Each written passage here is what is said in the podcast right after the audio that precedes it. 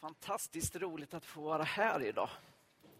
Eh, jag heter alltså Samuel Östersjö och eh, ni har redan fått en liten presentation av Yvonne.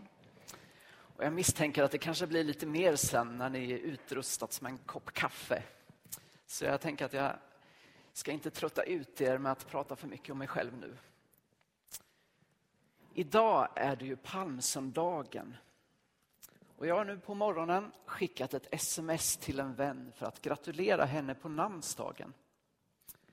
Hon är nog den enda jag känner som firar efternamnsdagar. Hon heter nämligen Palm i efternamn. Och då brukar hon säga det att palmsöndagen, det är hennes efternamnsdag. Och vi andra som känner henne, vi har ju verkligen förstått det här att det är väldigt viktigt att fira den. Är det förresten någon som heter Palm här? Nej, Nej då går vi vidare. Palmsöndagen. Det är ju inte bara någons efternamnsdag, utan det är också dagen då vi brukar läsa om när Jesus red in i Jerusalem på en åsna. Och det kommer jag också göra, så ni kan vara helt lugna. Men jag vill inleda med en helt annan bibeltext. Den är hämtad från Markus 10, vers 13 till 16. Folk kom till honom med barn för att han skulle röra vid dem. Men lärjungarna visade bort dem. När Jesus såg det blev han förargad och sa Låt barnen komma hit till mig och hindra dem inte. Guds rike tillhör sådana som det. Sannerligen, den som inte tar emot Guds rike som ett barn kommer aldrig dit in. Och han tog dem i famnen.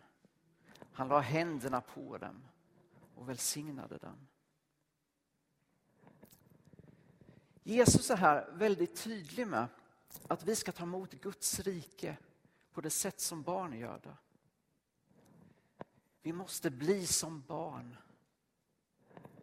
Men varför? Vad är det som skiljer barn från vuxna? Hur är barn egentligen? Barn är helhjärtade. När barn gör någonting så gör de det med hela hjärtat. Vad de än gör så lägger de ner hela sin själ i det. Vi vuxna vi har sällan samma engagemang i de uppgifter vi har att utföra. Vi försöker istället så effektivt som möjligt slutföra och bli av med våra uppgifter. Ofta är det krav och skyldigheter som är vår drivkraft och inte vårt hjärta. Därför tror jag att Gud vill att vi ska bli som barn. För att vi ska handla utifrån vad Gud har lagt ner i våra hjärtan. Och då ska vi också använda hela hjärtat. Barn är sig själva, utan masker. Vi vuxna vi sätter ofta upp eh, såna här oskrivna regler för varann. För hur vi förväntas bete oss i olika situationer. Barn är lyckligt ovetande om sådana regler. De skrattar glatt direkt när de känner för det. De gråter högt direkt när de ramlat och slagit sig. De är helt ärliga och visar direkt vad de känner här innerst inne. Vi vuxna vi har med våra oskrivna regler tvingat varandra att ta på oss masker. Vi måste invänta det där rätta tillfället för att uttrycka våra tankar och känslor. Och ibland kanske det rätta tillfället aldrig dyker upp. Och vi måste behålla mycket här inom oss, bakom vår mask. Vi får svårt att vara äkta, både för oss själva, för varandra och för Gud. Därför tror jag att Gud vill att vi ska bli som barn. För att vi ska våga vara oss själva. Våga vara de som Gud har skapat oss till och inte vara de som andra försöker få oss att vara. Barn är tillitsfulla. För ett litet barn så är föräldrar allsmäktiga. Men någonstans på vägen så, så måste den bilden rasa. Vi upplever ett slags svek när vi upptäcker att mamma och pappa inte kan lösa alla världens problem. Vi får svårare att lita på dem och de vi inte litar på blir det svårare att, att ha en djup relation till. Och detta tror jag även präglar vår relation till Gud när vi växer upp och blir vuxna. När vi blir medvetna om att våra föräldrar inte är ofelbara då kanske vi också börjar tvivla på att Gud är utan brister. Vi vågar inte ge vår fulla tillit till honom. Därför tror jag att Gud vill att vi ska bli som barn. För att vi ska se honom som en kärleksfull, allsmäktig far som vi alltid kan lita på i alla situationer. Barn är hjälplösa. Som små barn vet vi att det är från våra föräldrar vi får allt vi behöver. Det är från dem vi får mat, kläder, kärlek. Och vi vet att vi är helt beroende av dem för att klara oss.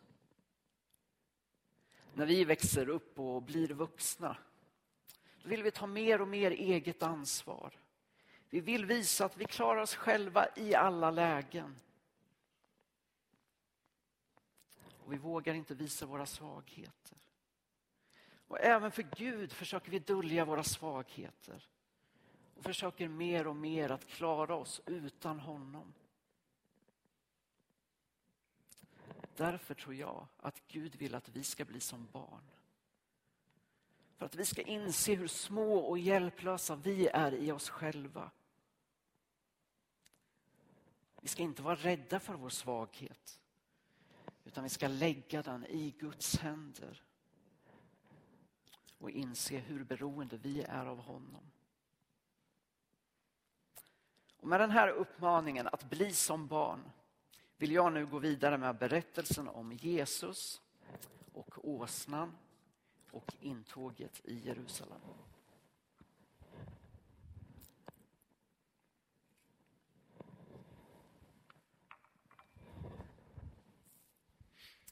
Vi läser från Lukas 19, vers 28 till 40.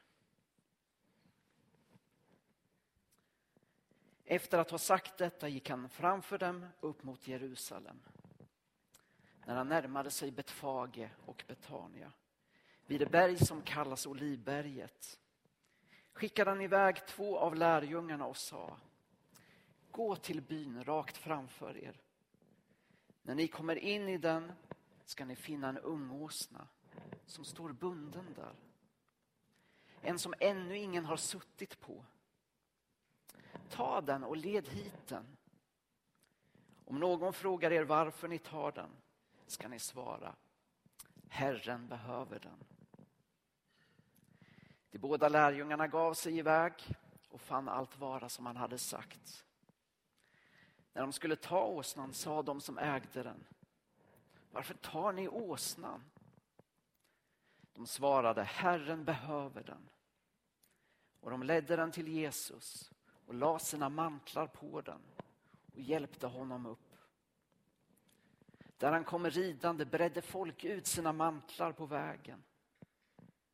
Då han närmade sig staden och var på väg ner från Olivberget började hela skaran av lärjungar i sin glädje ljudligt prisa Gud för alla de underverk de hade sett. Välsignade han som kommer, konungen i Herrens namn. Fred i himlen och ära i höjden. Några fariseer i folkmassan sa då till honom. Mästare, säg åt dina lärjungar att sluta. Han svarade. Jag säger er att om de tiger kommer stenarna att ropa. Det här är en berättelse som vi kan se från många olika perspektiv. Och här vill jag börja med att fokusera på folket som tar emot Jesus och som hyllar honom som kung. Och med utgångspunkt från vad jag tidigare sagt så, så tror jag att det här är ett av de bästa exemplen i Bibeln på att bli som barn. För vad är det som händer? En stor folkmassa, förmodligen i alla åldrar, släpper plötsligt alla de där vuxna maskerna och gränserna och blir som barn som hänger sig själva helt och fullt till en man som kommer och rider på en åsna. De är helhjärtade. Precis som hängivna fans gör allt för att få en idolautograf på sin t-shirt.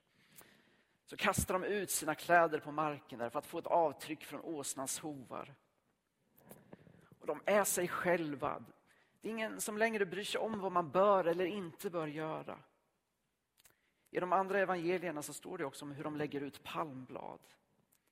De klättrar som apor i träden för att skära av kvistar och ropar Hosianna och välsignad vara han som kommer, som om de blivit galna.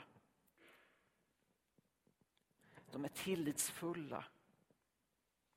De flesta hade nog väntat sig att deras kung skulle komma i snygg uniform på en stor, ståtlig häst. Men hur konstigt det än ser ut, att Jesus kommer i enkelhet på en liten åsna, så litar de ändå helt och fullt på att han är deras befriare. De är hjälplösa. De har insett sin egen litenhet och svaghet. De har gått och längtat efter den nye kungen. De har längtat efter någon som kan hjälpa dem med det de inte själva klarar av. De har längtat efter en befriare.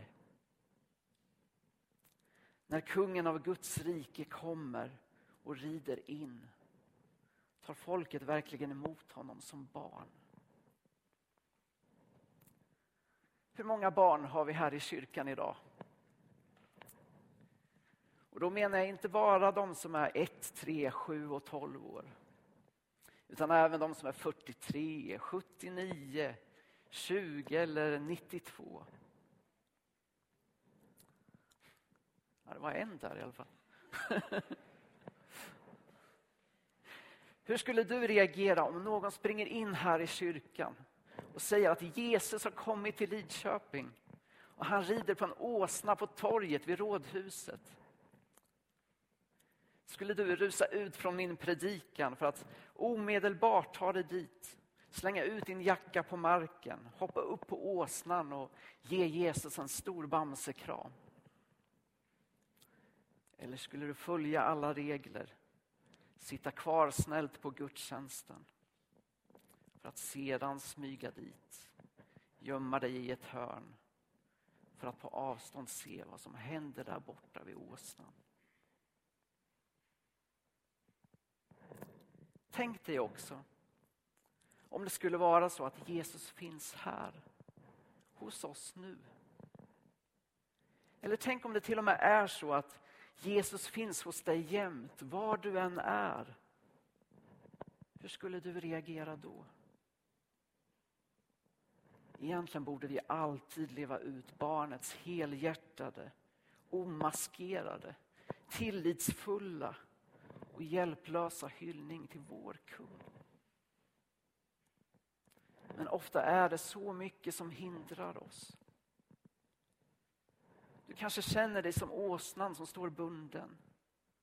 Du vill så mycket men kommer ingenstans för du saknar frihet. Och de enda gångerna du får vara ute och röra på dig så lastas det en massa bördor på din rygg. Tänk dig in i åsnans situation. Där du står bunden, utan frihet. Och plötsligt så kommer någon och säger Befria åsnan. Herren behöver den. Det är nog med både nervösa och förväntansfulla steg som du går framåt till Jesus. Vad ska hända nu? Vad är det för bördor han tänker lasta på min rygg? Men hallå, vad gör han? Tänker han själv sitta där Ska jag verkligen få vara den som bär fram kungen och får ta emot folkets hyllningar. Jag som är så liten och obetydlig och dum som en åsna. Vill kungen använda mig? Vet ni om en sak? Vi alla är som den bundna åsnan. Som Jesus vill befria och använda till något stort.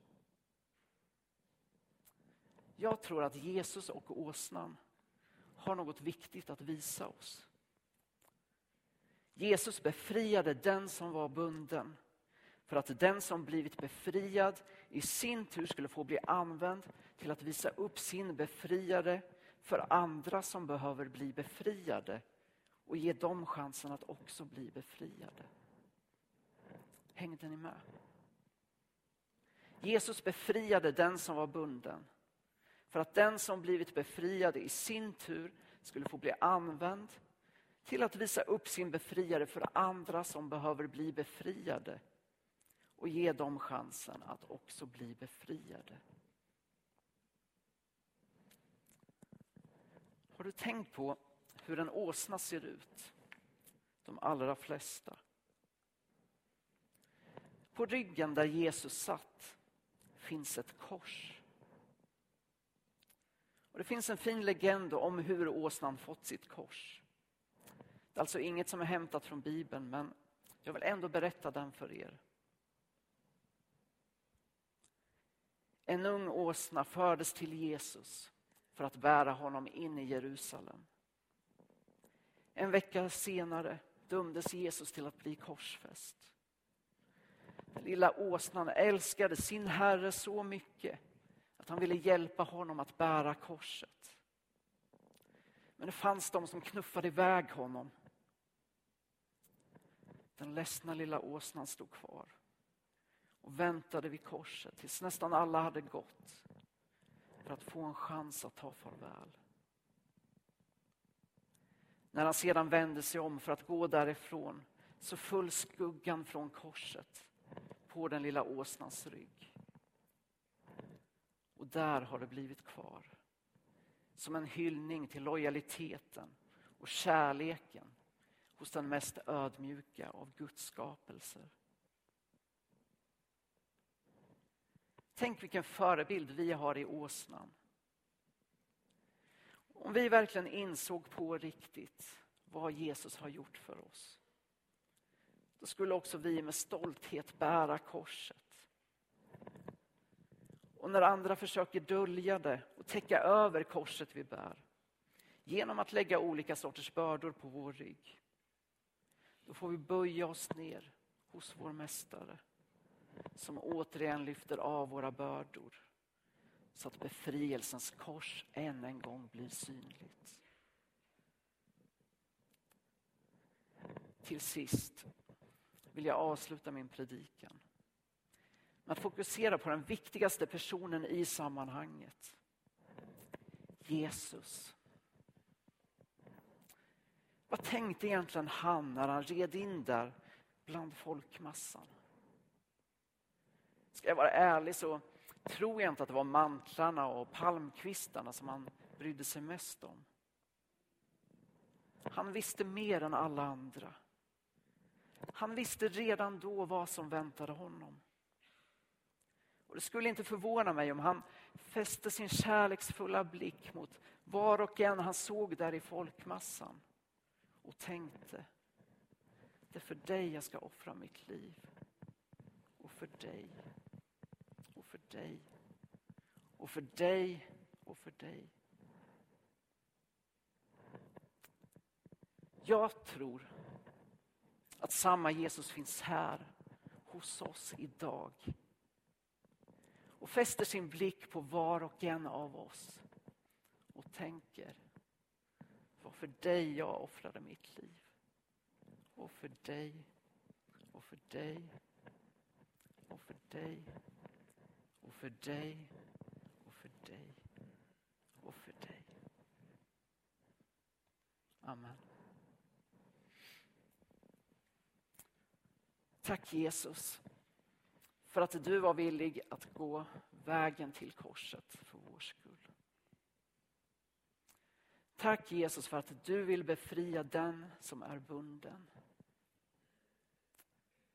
Tack Jesus för att du vill använda oss till att visa upp dig för den som behöver befrielse. Tack Jesus för att du älskar oss. Och tack för att du vill välsigna oss här och nu med din närvaro. Amen.